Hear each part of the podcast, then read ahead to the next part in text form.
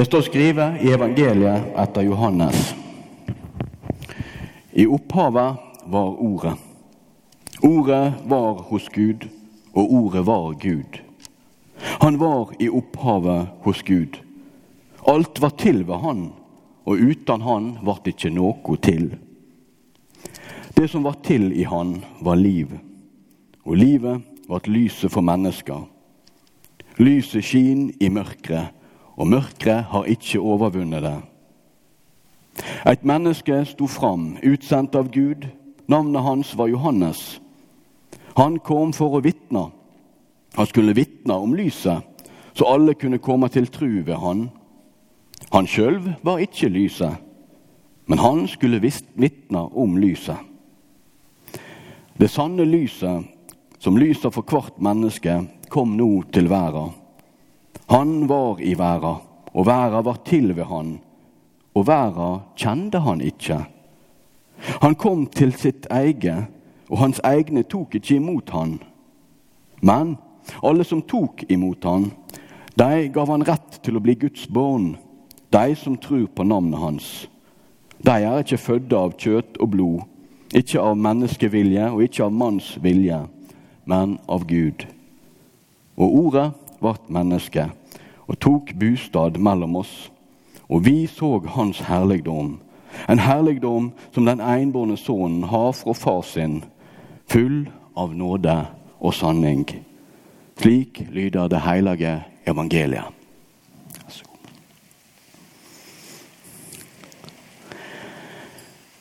Du skal være sønn for meg, jeg skal være far for deg, står det om Gud, om Jesus.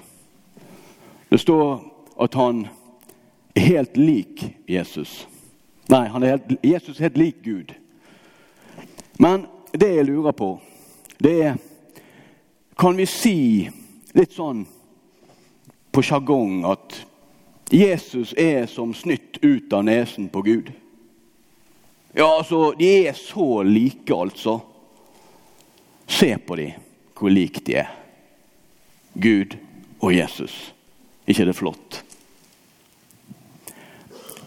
Det står at hele guddomsfylden er i Jesus. Det står òg at alt det Gud har gjort, har han lært til Jesus. Jesus har sett alt han gjort, har gjort. Han kan ikke gjøre noe annet enn det han har sett at Gud har gjort. Det begynner å vikle seg sammen. Men er han som snytt ut av nesen på han? Jeg tenkte i dag at vi skulle ta et lite eksempel. Jeg har min far på besøk. Kom her, Faderen.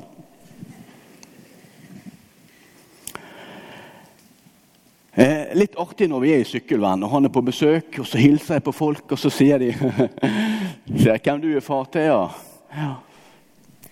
Og så eh, er vi kanskje litt like. Som snytt ut av nesen, mulig. Men eh, det flotteste med han her, det er ikke at han ligner på meg. Det er at han har lært meg alt han kan. Og en av de flotteste tingene han har lært meg, det er å skrive pent.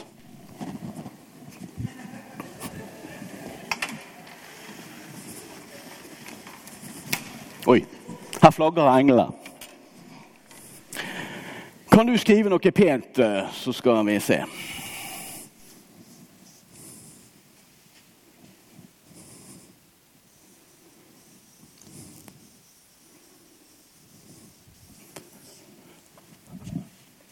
Uh, uh, um, det, det, der skjønner jeg ingenting ut av. Hva er det du har gjort her? Ok.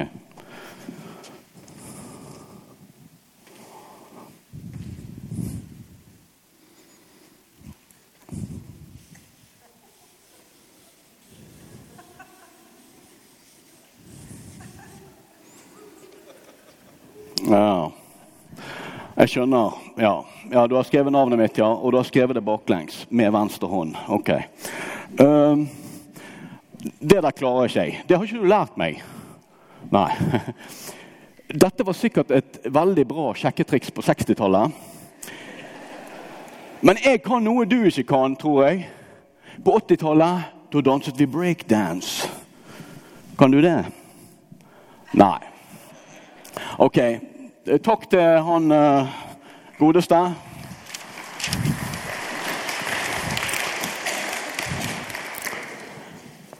Om jeg er som snytt ut av nesen, så er ikke vi ett. Du kan ikke si at det far min kan, det kan jeg. Og at jeg kan representere han i alle ting. Det er ikke mulig. Jeg kan ikke utføre det samme verk som det min far kan. Men jeg syns vi skal ta oss tida til å lese et poetisk dikt som Paulus har skrevet. Og Det står i Kolosserbrevet, i det første kapitlet. Der står det Han er bilete av den usynlige Gud, den førstefødte før alt det skapte. For i Han vart alt skapt, i himmelen og på jorda, det synlige og det usynlige, troner og herredømmer, makter og åndskrefter. Ved Han og til Han er alt skapt. Han er før alt. Og i Han er alt halde sammen. Han er hovedet for kroppen, som er kyrkja. Han er opphavet, den førstefødte fra de døde. Så i Han, i ett og alt, skal være den fremste.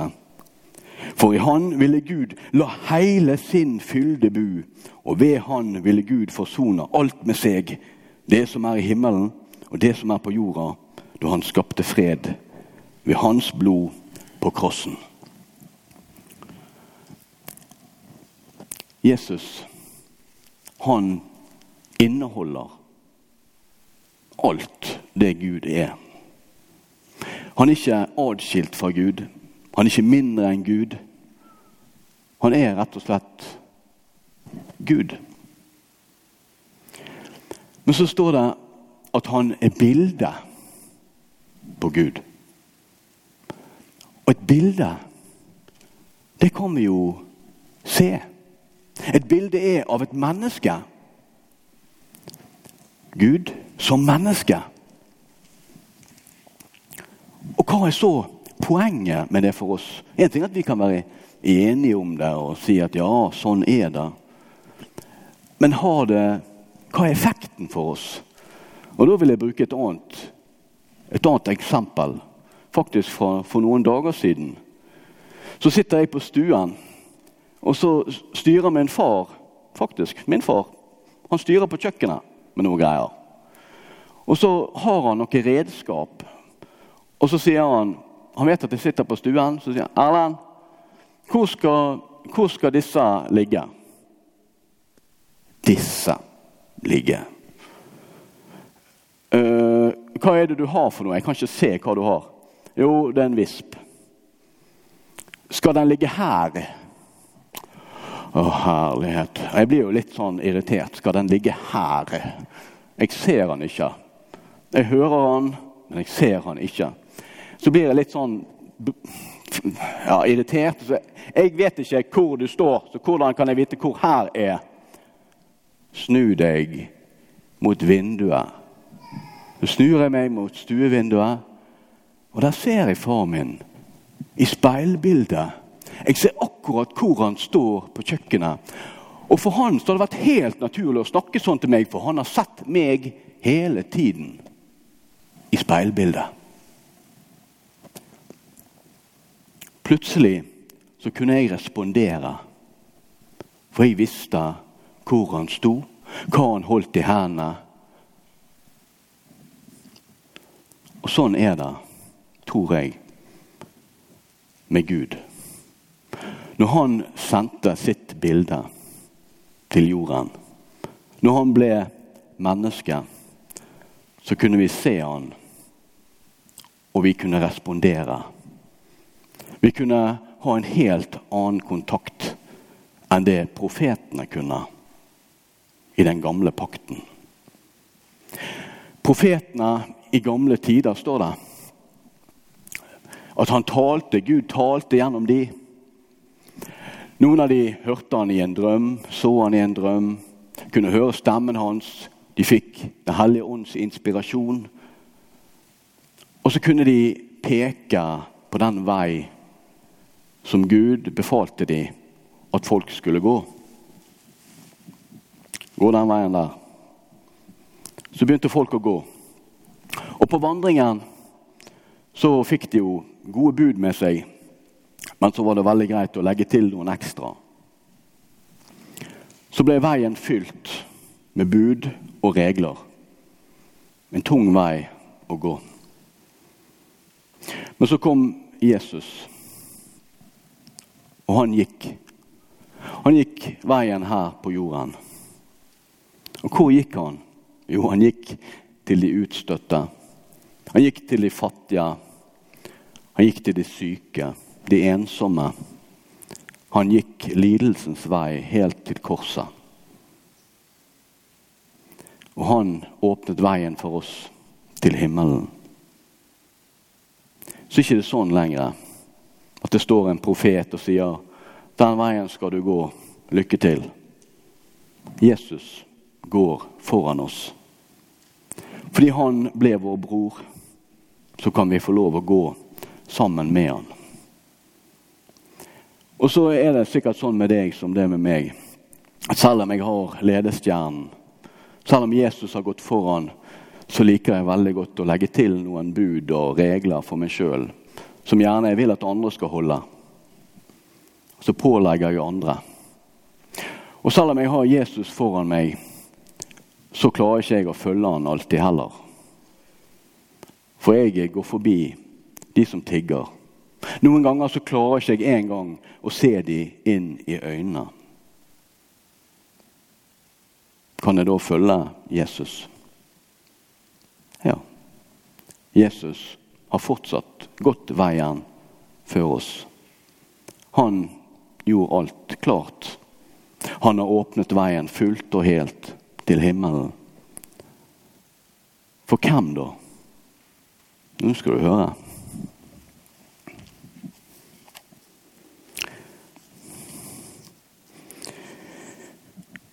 For det vil far min, sier Jesus i Johannes evangeliet, sjette kapittelet, at hver den som ser Sønnen og tror på Han, skal ha evig liv, og jeg skal reise han opp på den siste dagen.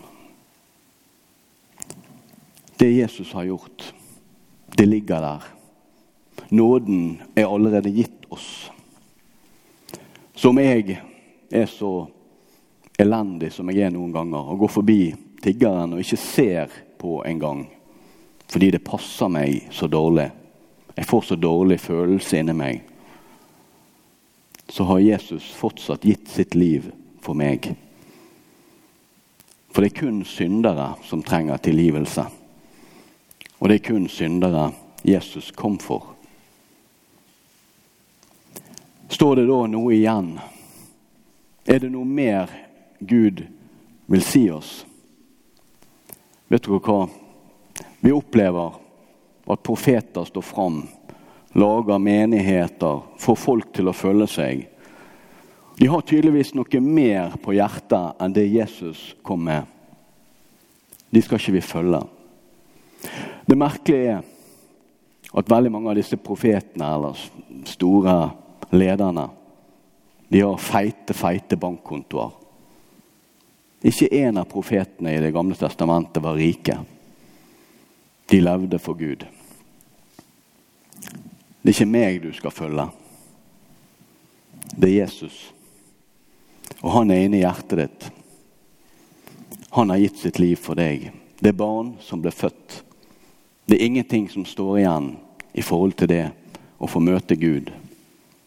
Ser du Jesus i troen, i hjertet, så er frelsen din.